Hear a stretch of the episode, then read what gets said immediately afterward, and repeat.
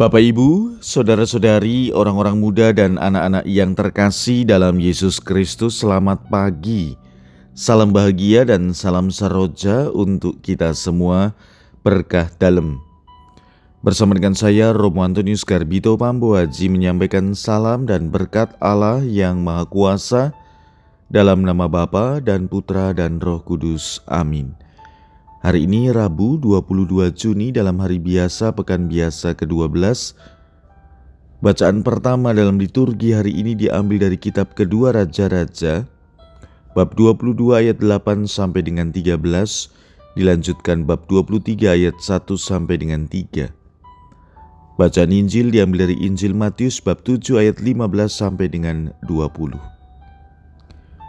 Dalam khotbah di bukit Yesus berkata, Waspadalah terhadap nabi-nabi palsu yang datang kepadamu dengan menyamar seperti domba, tetapi sesungguhnya mereka adalah serigala yang buas. Dari buahnya lah kalian akan mengenal mereka. Dapatkah orang memetik buah anggur dari semak duri atau buah ara dari rumput duri? Camkanlah setiap pohon yang baik menghasilkan buah yang baik, sedang pohon yang tidak baik menghasilkan buah yang tidak baik. Tidak mungkin pohon yang baik itu menghasilkan buah yang tidak baik, ataupun pohon yang tidak baik itu menghasilkan buah yang baik. Dan setiap pohon yang tidak menghasilkan buah yang baik pasti ditebang dan dibuang ke dalam api. Jadi, dari buahnya lah kalian akan mengenal mereka. Demikianlah sabda Tuhan. Terpujilah Kristus. Bapak, Ibu, saudara-saudari yang terkasih, kiranya sabda Tuhan hari ini begitu jelas pesannya untuk kita. Yesus mengajak kita membedakan mana yang palsu dan mana yang asli dilihat dari buahnya. Melihat buahnya berarti membutuhkan waktu yang tidak singkat untuk sampai tahu bahwa buah yang dihasilkan itu adalah buah yang baik.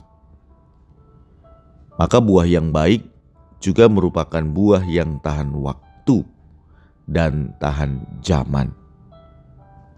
Buah yang baik mampu bertahan dari berbagai macam tantangan ataupun penyakit.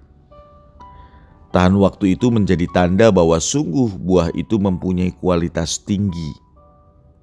Namun bukan berarti diawetkan atau diberi suntikan obat-obatan pengawet, tetapi tahan secara alami.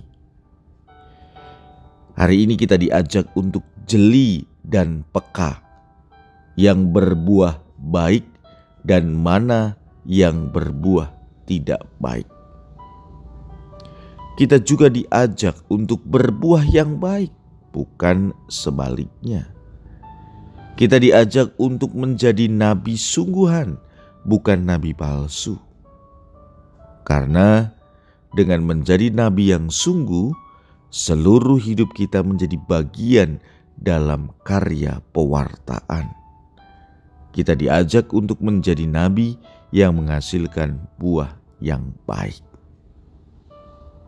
Marilah kita berdoa.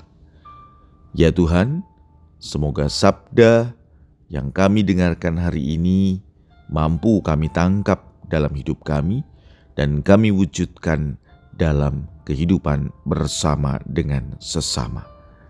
Berkat Allah yang Maha Kuasa, dalam nama Bapa dan Putra dan Roh Kudus. Amin.